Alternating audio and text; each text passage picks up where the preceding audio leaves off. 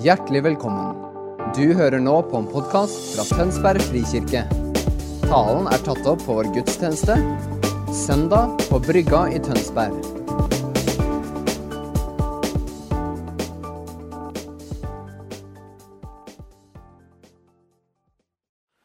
Takk, Herre Jesus, at du er her midt iblant oss. Vi vil gjerne gi deg alt, Herre. Det er ikke alltid vi klarer det, men vi vil be om at du må komme med din nåde, med din kjærlighet og med din åpenbaring nå.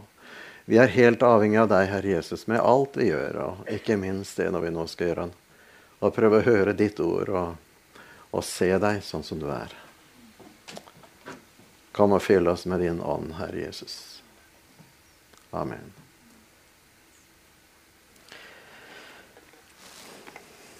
Ja, det er, eh, det er, flott at vi kan møtes på denne første søndag i advent. Og nå har eh, Elaine tent eh, lyset her, i mangel av at vi pleier jo ofte å ha barn òg som tenner lys. Men vi er jo heldigvis litt sånn barn inni oss alle sammen, og vi gleder oss over denne her adventstida som, som vi har nettopp begynt på nå. Nettopp i denne mørke, mørkeste tida av året og så hadde jeg tenkt å skrive her at det er mye regn og ofte svart kulde, og så møter vi en, en morgen med, med, at det er helt hvitt og flott rundt omkring oss. Så har på en måte Gud gitt oss en et lite min, eh, påminnelse om at eh, ja, eh, det er en mørk tid, men det er en som eh, er vår frelser, som har mulighet til å legge en, sin nåde over alt sammen og gi oss likevel lys og varme. Det er godt at vi kan tenne lys i gater og, og på hus og i hager, og ikke minst i våre hjem rundt omkring. Det er lysets tid sånn som vi Og vi ser fram til Han som er verdens lys, som er kommet. Selv om vi nå ser mye usikkerhet og vanskeligheter rundt oss, og vi skjønner at uh, Koronaen er ikke over, og vi har allerede fått en ny vanskelig variant. Men eh, derfor så er det viktig at vi kan hjelpe hverandre. At vi kan eh, minne hverandre på at vi, ja, vi lever midt i denne verden, men vi lever også som Jesus-troende. Midt i Guds verden. Og det er det vi skal snakke mer om.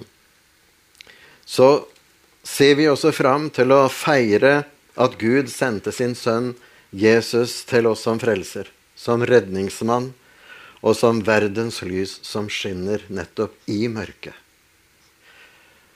Og Derfor så har vi allerede lest, og jeg har gode nyheter til oss i dag. Ordentlig gode nyheter. I dag er Gud på ferde. I dag er Gud på ferde. Den allmektige er her nå. Og vi skal uh, Hvis dere er som meg, kanskje ikke helt som meg, så glemmer dere litt. Og i hvert fall, uh, Nå er det jo noen minutter siden vi har hørt teksten, så vi skal ta den fra Jesaja en gang til. Bare for å minne om det. Ja, der er den kommet opp. Herren Guds ånd er over meg. For Herren har salvet meg. Han har sendt meg for å, kynne, for, for, for å forkynne et godt budskap for hjelpeløse. For å forbinde dem som har et knust hjerte. Rope ut frihet for dem som er i fangenskap, og frigjøring for dem som er bundet.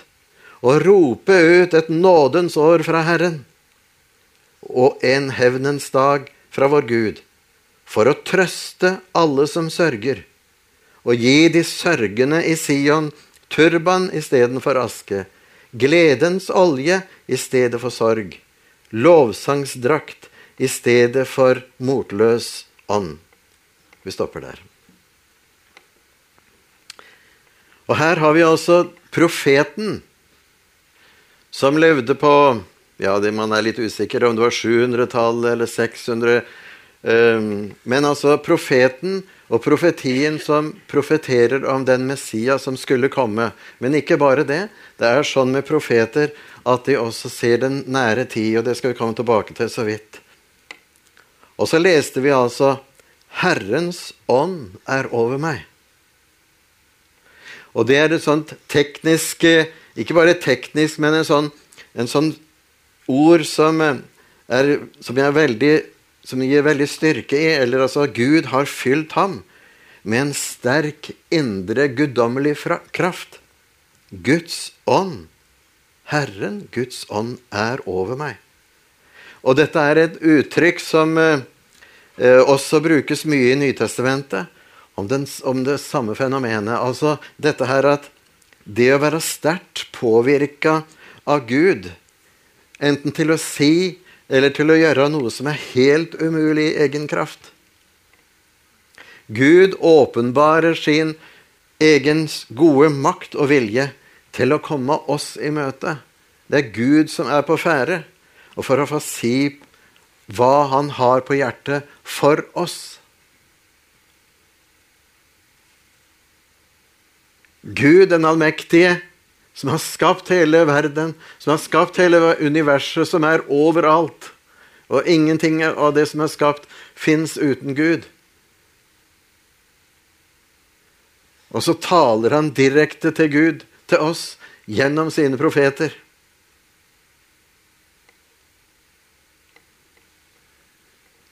Gud er på ferde. Og så står det at eh, for Herren, Herren har salvet meg. Det er også Herren Gud som har salva denne profeten. Og i Det gamle, gamle testamentet så blei jo den som var utvalgt til konge, han blei salva med olje av en profet. Han skulle styre dette gudsfolket, Israel.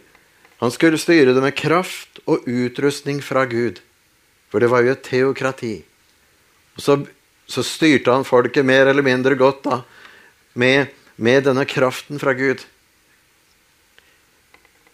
Men etter hvert så ser vi i Gammeltestamentet tydeligere og tydeligere jo lenger vi kommer utover nærmere Nytestamentet, så ser vi at det, det kommer en stadig sterkere forventning om at det skulle komme en som var mye sterkere enn frelserkonge en Messias, som, som også betyr den salvede.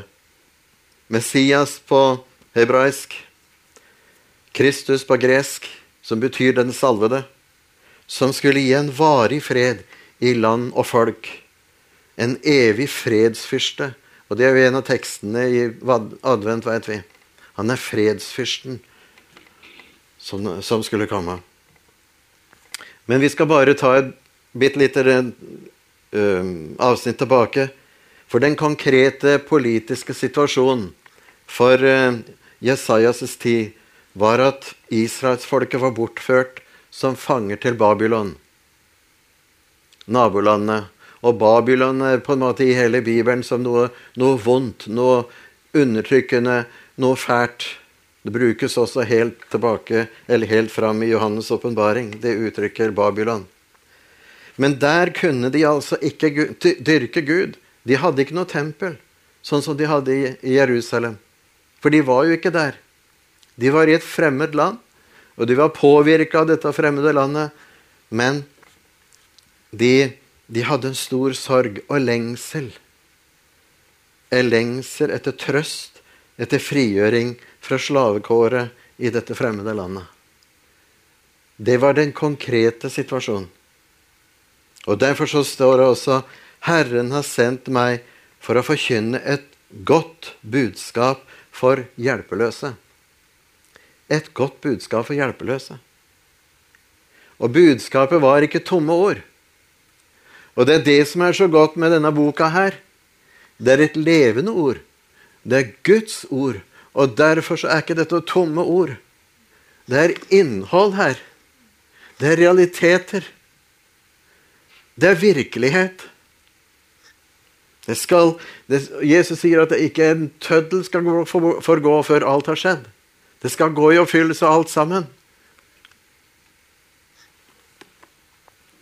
Han skulle virkelig helbrede, og han skulle virkelig knuse Gi de knuste hjerter helt nytt liv. Og Vi skal komme tilbake til det. Og så ropte han ut. Han proklamerte han proklamerte frihet for dem som var i fangenskap. og frigjøring for dem som er bundet. Og for å rope ut et nådens år fra Herren. Det er mange, gang, mange ting vi kan være bindet av. Det er mange, mange ting vi kan være fanga av. Ikke bare i fengsel, ikke bare i lenker, men vi kan ha en livssituasjon som gjør at vi er både fanger og bundet. Men det skulle bli et jubelår for dette folket. Og jubelår var jo hvert 50. år, som egentlig Moses hadde, hadde satt i stand. Men det ble ikke så mye av det, kanskje.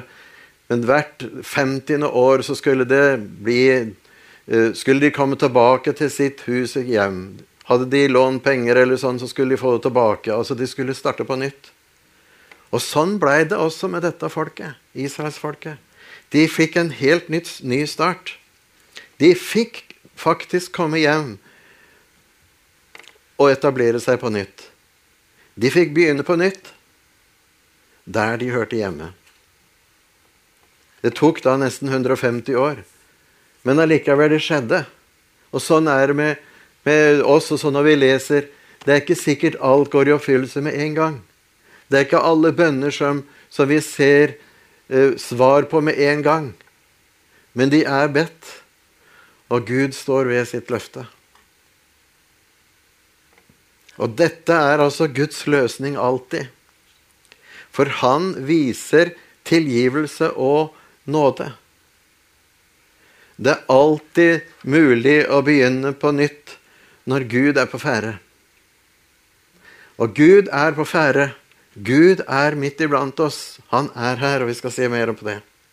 Det er altså ikke håpløst for deg som kjenner deg nedtrykt, motløs, verdiløs. Du får det ikke til. Jeg er ikke som de andre. Du skal få begynne på nytt når Gud er på ferde. Og når er han på ferde? Han er på ferde da. Og så går det da Hvis vi skal gå nå vekk fra profeten, så går det altså 500-600 år før han skrev dette her. Eller 700, kanskje. Og så kommer Jesus. Og det er mange profeter, profetier om frelserkongen som skulle komme. Så står han fram. Han blir voksen. Han blir døpt av Johannes i Jordanelva. Og ikke for å få syndenes forlatelse, som alle de andre som ble døpt her. Og Derfor er ikke Johannesdåpen et et, et forbilde for oss, egentlig. Og Derfor så sier Johannes nei, du, du, trenger ikke bli døpt. Det er heller jeg som trenger å bli døpt av deg. Ja, men la det skje, sier Jesus. Fordi han måtte ned i elva Jordan for å ta på seg hele verdens syndebyrde. Han ble innvia til å være syndebæreren.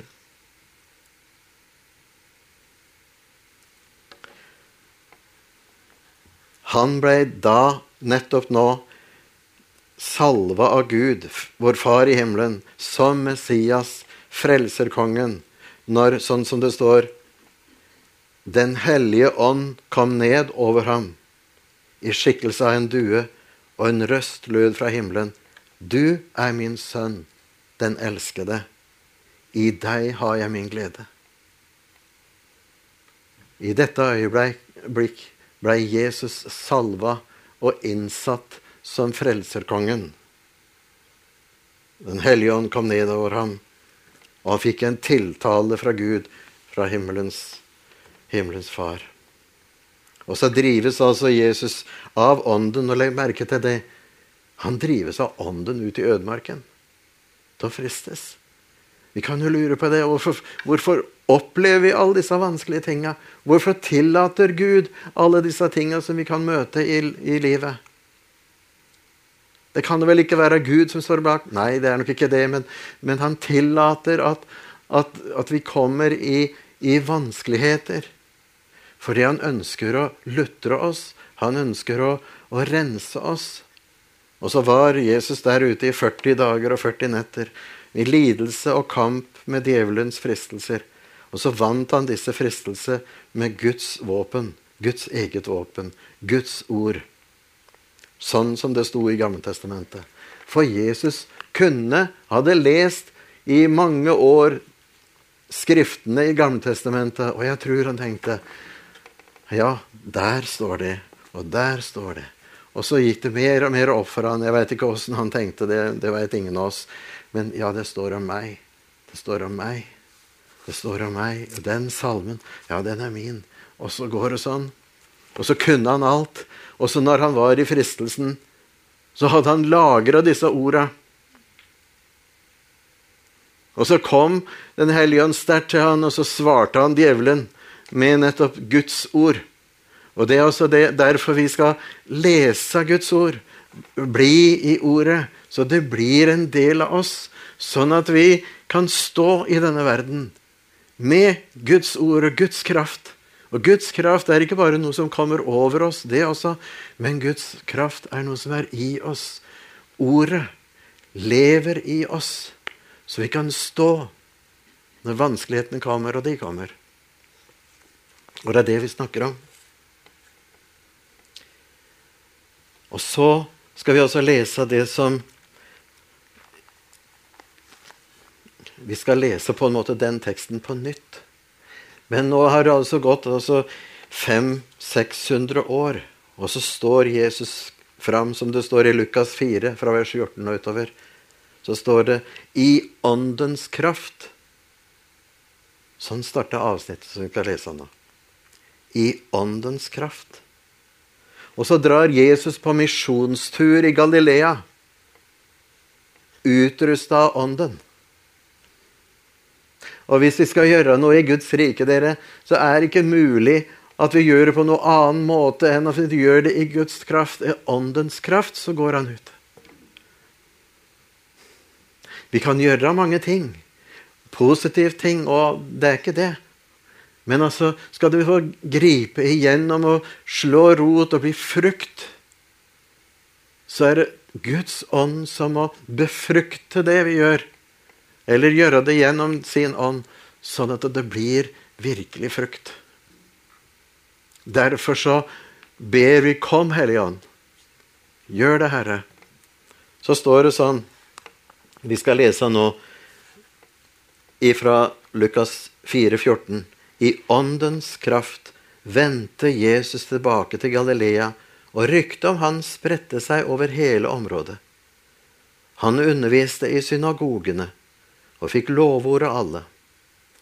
Og han kom også til Nasaret, hvor han var vokst opp, og på sabbaten gikk han inn i synagogen slik han pleide. Ja, slik han pleide. Og da han reiste seg for å lese, rakte de ham profeten Jesajas ord, bok, han åpna bokrullen, fant stedet der det står skrevet Herrens ånd er over meg, for han har salvet meg til å forkynne et godt budskap for fattige. Han har sendt meg for å rope ut at fanger skal få frihet, og blinde få syn igjen, for å sette undertrykte fri og rope ut et nådens år fra Herren. Så rullet han bokrullen sammen, rakte den til synagogetjeneren og satte seg. Alle i synagogen stirret spent på ham. Hva skjer nå? Hva skjer? Han begynte med å si, i dag er dette skriftordet blitt oppfylt mens dere hørte på.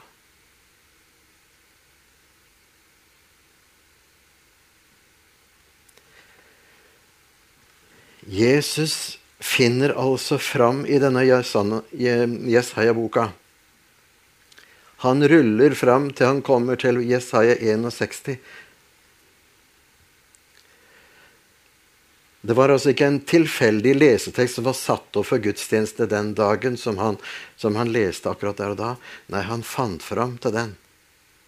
Det er ikke noe tilfeldig. Han er bevisst på at det profeten sier og skriver, det handler om nettopp han.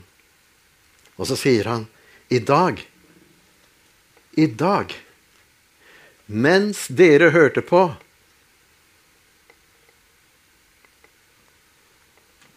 Og da kom jeg til å tenke på Peter han eh, forkynte for eh, Kornelius, denne her, eh, høvedsmannen i, i, Israel, som egentlig ikke kunne Ja, han var jo ikke jøde, så, men Peter hadde fått beskjed om at han skulle forkynne der. Og Så går han der, og så forkynner han Jesus.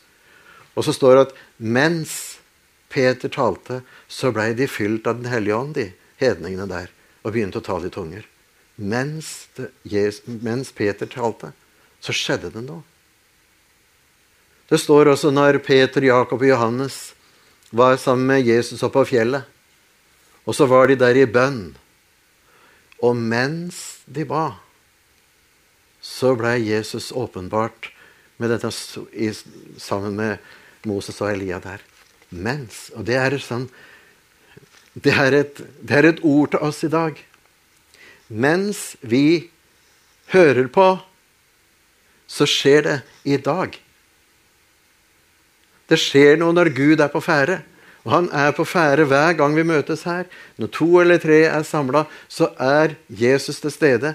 Og han gjør noe. Han bare ikke er passiv og sitter der og ser på åssen vi har det. Han er, han er aktiv. Det er derfor vi møtes. Herrens ånd er over meg, sier Jesus. Det er han som er salva til Messias, frelsekongen. Det er han, Jesus, som forkynner et godt budskap til fattige. Som roper ut at fanger skal få frihet. Som lover at blinde skal få syn igjen. Og som setter undertrykte fri og som roper ut et nådens år fra Herren. Det er han. Det er han det handler om. Her er jeg. I dag. Det er ikke noe rart de undra seg i synagogen. Sannheten er at de skulle De likte det ikke, så de, de fikk han vekk. Det er ikke alle som liker det. Men de som vil, de som kjenner det, at dette her trenger jeg, så gjør han det som det står om her. Et nådens år fra Herren. Så deilig.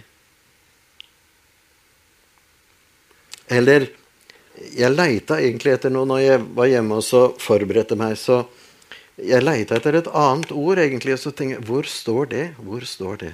Og så tok jeg fram den veldig gamle bibelen min, den jeg kjøpte når jeg var 13-14 år, i begynnelsen av 60-tallet. Og så, så var det den 1930-oversettelsen. Eh, det er lenge siden. Det var i og eder, vet dere. Og så tenkte jeg jeg skal lese denne teksten her òg. Så sto det at eh, han roper ut et velbehagelig år fra Herren. Det sto ikke nådens år. Og så leste jeg i studiebibelen, og så så jeg den greske teksten. Og der sto det jo ikke nådens ord. Det står ikke charisma. Men det sto et ord som jeg ikke husker, men som altså betyr velbehagelig. I grunnteksten så står det altså 'velbehagelig', og så, så ble det da nådens ord, som det står i Isaiah. Men kjenn på det ordet. Han skal rope ut et velbehagelig år fra Herren. Gud viser oss sitt velbehag. Eller han vil ønsker oss sitt velbehag.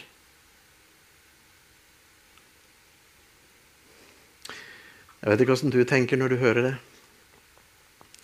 Men i deg har jeg min glede. Det er liksom som, som Gud sier at jeg ønsker å, å, gi deg noe som du har velbehag i.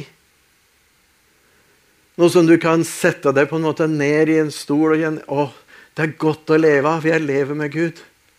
Han er nådig mot meg. Han ønsker meg sitt eget velbehag. Og Da tenkte jeg på Salme 23. vet du. Han lar meg ligge i grønne enger. Der jeg finner eh, mat, ikke sant, for sauen. Han leder meg til vann der jeg finner hvile. For et velbehag. skriver altså David, som levde 1000 år før Kristus.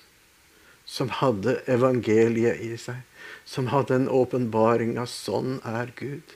Og Gud er en uforanderlig Gud. Et nådens år. Eller som det står i en oversettelse, Living, Living Bible Gud er klar til å gi velsignede, velsignede velsignelse til alle som kommer til ham. Dette er den nye tid. Dette er ikke bare én dag, ikke et, bare ett år. Men dette er den nye Messias-tiden. Guds rike tiden som vi nå lever i. Guds rike er kommet nær, sier Jesus. Med lindring, med trøst, med helbredelse. Og så har Jesus gjør mange undergjerninger som tegn på at denne tida er kommet, som profetene sa skulle skje. Fanger frihet, osv. Loven ble gitt ved Moses, men nåden og sannheten kom ved Jesus Kristus. Vi lever i denne tida. Til Jesus kommer igjen. Det gjelder her og nå. La oss bare dvele litt med åssen vi har det. Vi preges av mye uro, mye usikkerhet. Vi skal ikke brodere ut det, men det er jo tydelig at koronaen er en reell trussel. Det er ensomhet, det er angst, det er depresjon. Det er mye sykdom blant oss. Jeg syns det er blitt mer og mer sykdom. Jeg skjønner ikke. Det er mye nød, skjult nød som få eller ingen veit om. Vi sier ofte med rette 'alle har sitt'. Og det er nok ingen som kommer gjennom livet uten å kjenne på problemer og lidelser i denne verden. Det er sånn at vi lever på en måte i begge verdener. Noen ganger ser det ut til at ulykker og problemer og vanskeligheter hoper seg opp, og vi kan kjenne at det er mer enn vi kan bære. Det er mange av oss som kan kjenne på det innimellom. Bli trykt ned. Men du har kanskje et knust hjerte, som det står hos Isaias. Eller som det står i Salme 44. Jeg er kraftløs og knust. Jeg skriker ut mitt hjertes klage. Du har det rett og slett vondt. Hvor er du nå, Gud? I alle dine løfter. Det er også vår situasjon. Men Gud har ikke tenkt, trekt seg tilbake. Er vi troløse, så er han trofast, for han kan ikke fornekte seg sjøl. Altså er vi troløse, og det er vi jo mange ganger. Men han er trofast midt i denne situasjonen, og han kan ikke fornekte seg sjøl. Jeg kan en sang om det. Er vi troløse, så er han trofast, for han kan ikke fornekte seg sjøl. Det er kanskje derfor jeg husker det verset. Nei, så er det trøsten. Og som profeten sier Jesaja 57, jeg er glad i det verset, de versene der. Så sier han som er høy og opphøyd, han som troner evig. Den hellige er hans navn. I det høye og hellige bor jeg, og hos den.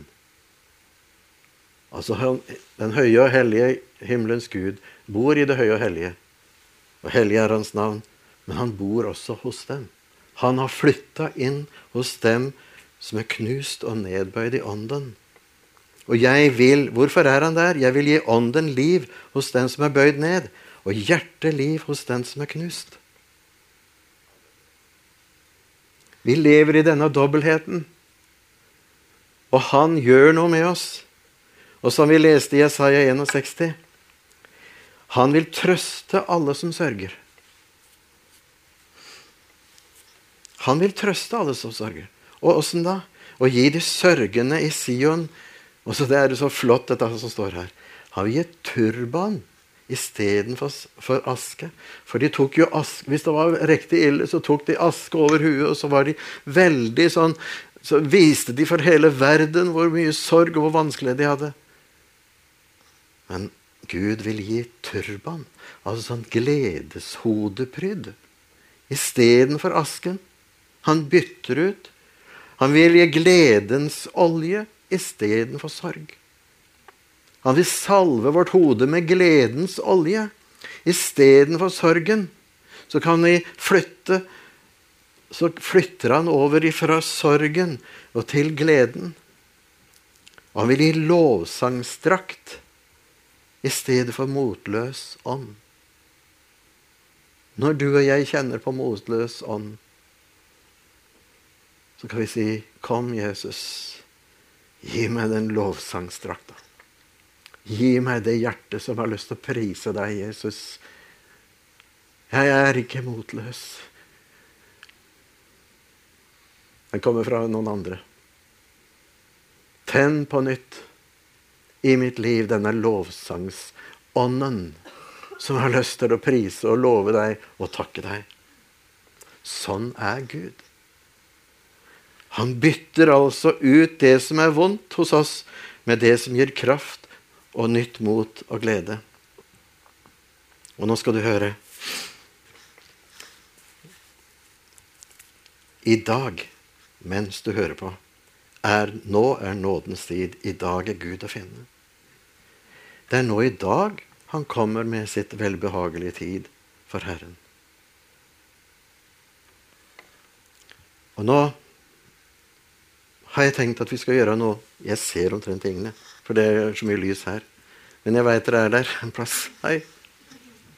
Jo, det er noen her, ja. Ser dere. Her i Frikirka så er vi opptatt av å be for hverandre.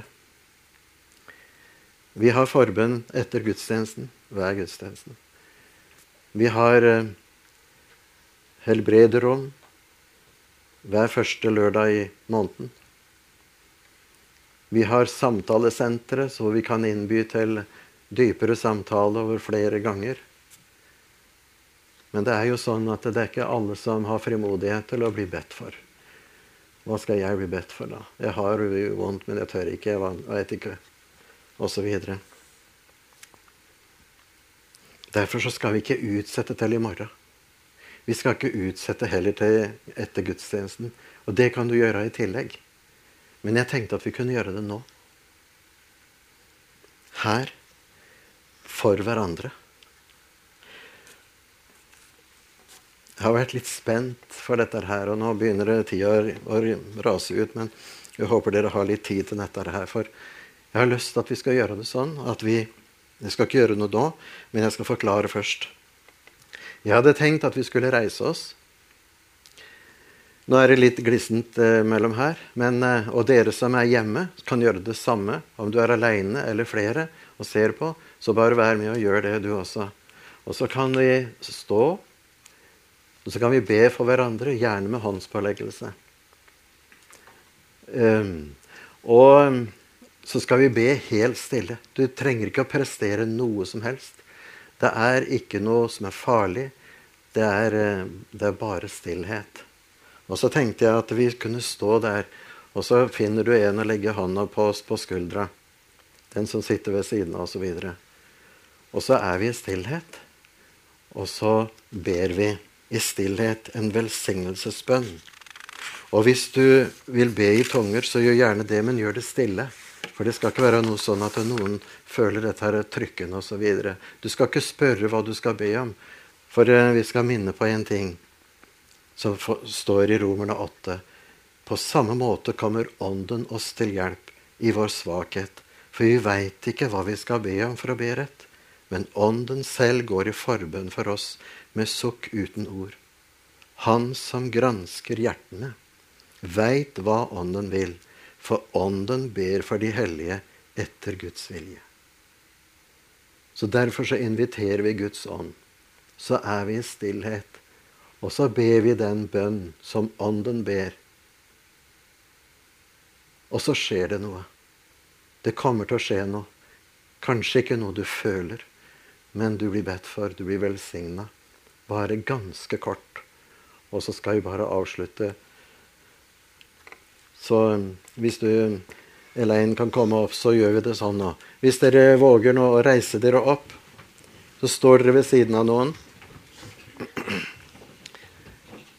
Um, så er du forbeder, og så blir du bedt for samtidig. Og så skal vi altså ikke snakke med hverandre. Nå skal vi bare være avhengige av Gud, som gjør ting gjennom oss, i oss.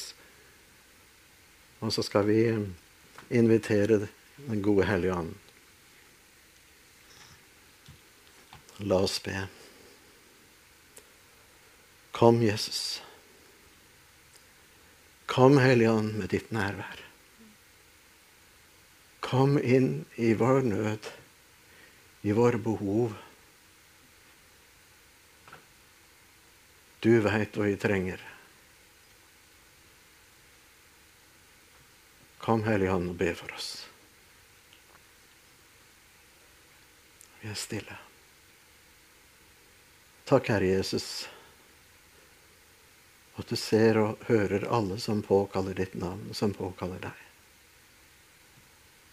Takk, Herre Jesus, at du sitter ved Faderens høyre hånd og ber for oss. Takk for at du kjenner oss ved navn. Takk for at du har skrevet vårt navn i dine hender. Dine naglemerkede hender. Takk for at du sier i ditt ord at dine porter står alltid for meg. Du veit hvor vi bor. Du veit hvem vi er. Takk for at du aldri forlater oss. Så takker vi deg for at det er du som har begynt en god gjerning. Nå for lenge siden, eller nå. Vi kommer til deg, Herre. Vi vil høre deg til. Vi vil tjene deg. Vi vil leve livet med deg. Takk for at du fortsetter en god gjerning helt til du kommer tilbake. Amen. Vær så god, sitt.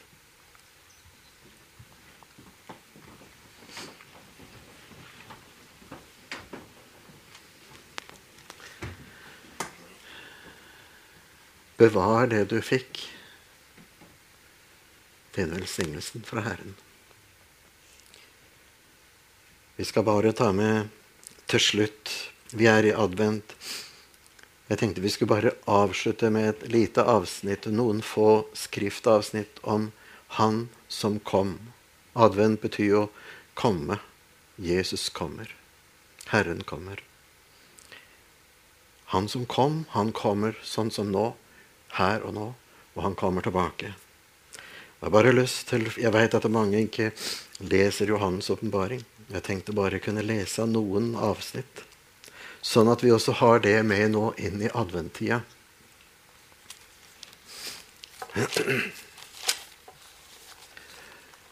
Det er jo siste boka, vet dere. Der. Og la oss høre. Jeg skal først lese kapittel fire.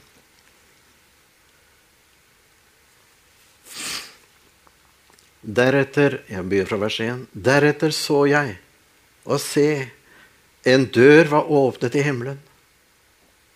Og den røsten jeg før hadde hørt tale med klang som en, av en basun, sa til meg, Stig opp hit, så vil jeg vise deg det som heretter skal skje.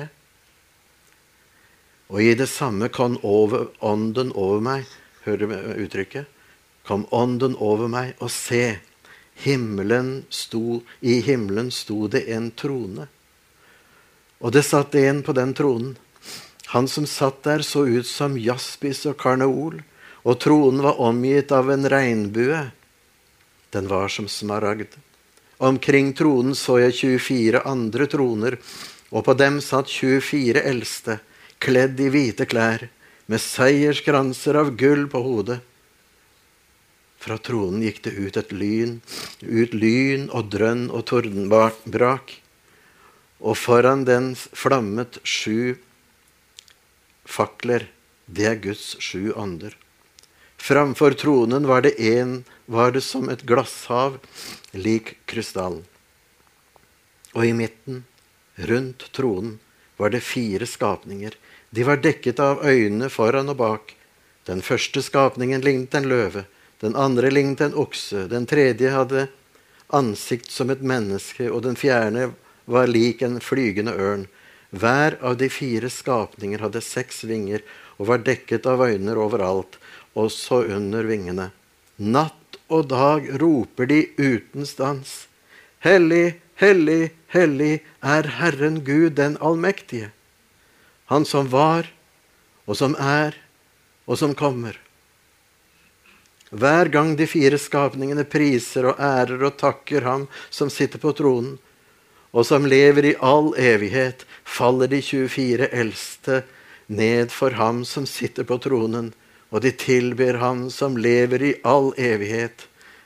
De kaster sine seierskranser fram for tronen og roper:" Verdig er du, vår Herre og Gud, til å få pris og ære og makt, for du har skapt alt, ved din vilje ble alt til, skapt av deg. Det var tilbedelsen i himmelen. Og så lite grann om den nye den nye himmel og den nye jord i vers 20, kapittel 24, 20, 21. Der må visst eh, Ja. Kapittel 21, vers 1. Og jeg så en ny himmel og en ny jord. For den første himmel og den første jord var borte, og havet fantes ikke mer. Og jeg så den hellige byen, det nye Jerusalem, stige ned fra himmelen, fra Gud, gjort i stand og pyntet som en brud for sin brudgom. Og jeg hørte fra tronen en høy røst som sa, Se, Guds bolig er hos menneskene.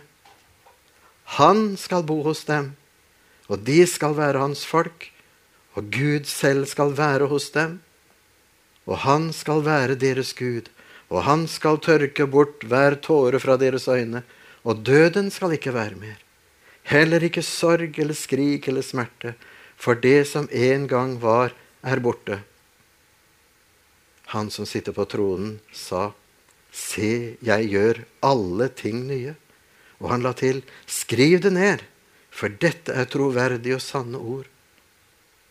Så sa han til meg, det er skjedd.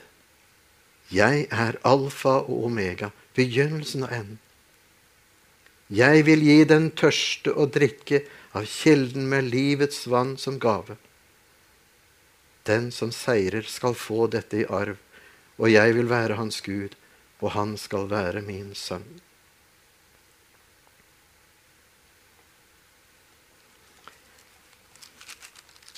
Det er håp, og det skal skje. Det har skjedd, sa han. Han sto det virkelig. Og så til det siste. Og det jeg nå skal si Da jeg fikk for mange år siden tungebønn, så Jeg hadde to-tre to, år som jeg ikke hadde noe annet enn det. Sharama, shara, maranata, maranata. Etter hvert så skjønte jeg, når jeg ba den Kom, Jesus. Maranata. Kom. Så leita jeg. Så står ikke det i åpenbaringen, men det står faktisk i 1. Korinterbrev 16, hvor Paulus bruker det.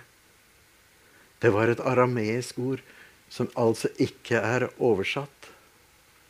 Arameisk ord 'maranata'. Kom, Herre Jesus. Kan også oversettes 'maranata'. Da er det 'Han er kommet'. Derfor skal vi lese det som er som til slutt. Fra vers 16 i det siste kapitlet. De siste versene som står i Bibelen. Jeg, Jesus, har sendt min engel for å vitne for dere for, for, om dette for dere i menighetene. Jeg er Davids rodskudd og ett, den klare morgenstjernen. Ånden og bruden, og bruden det er jo oss, sier 'kom'. Og den som hører det, skal si 'kom'. Og den som tørster, skal komme, og den som vil, skal få livets vann som gave. Jeg vitner for enhver som hører ordene i denne profetiske boken. Om noen legger noe til, skal Gud legge på ham de plagene som det står skrevet om i denne boken. Om noen trekker noe fra ordene i denne profetiske boken, skal Gud ta fra ham hans del i livets tre og de hellige byen, som er skrevet om i denne boken. Han som vitner om dette, sier, Ja, jeg kommer snart. Amen. Kom, Herre Jesus. Kom, Herre Jesus. Herren Jesu nåde være med dere alle. Det er en troendes bønn. Alle troendes bønn. Maranata. Kom, Herre Jesus. Du som kom, og du som er hos meg. Kom, Jesus. Gjør alle ting nye. Vi har, skal ha denne forventningen, og vi skal takke for det, at det er sant. Vi priser deg, Jesus, for ditt ord. Og vi takker deg for at du skal gjennomføre alt etter din gode vilje. Takk for at vi får høre deg til. Takk for at du er hos oss. Takk for at du frelser oss fra frykt midt i denne verden. Takk, Herre Jesus, at du er her. Amen.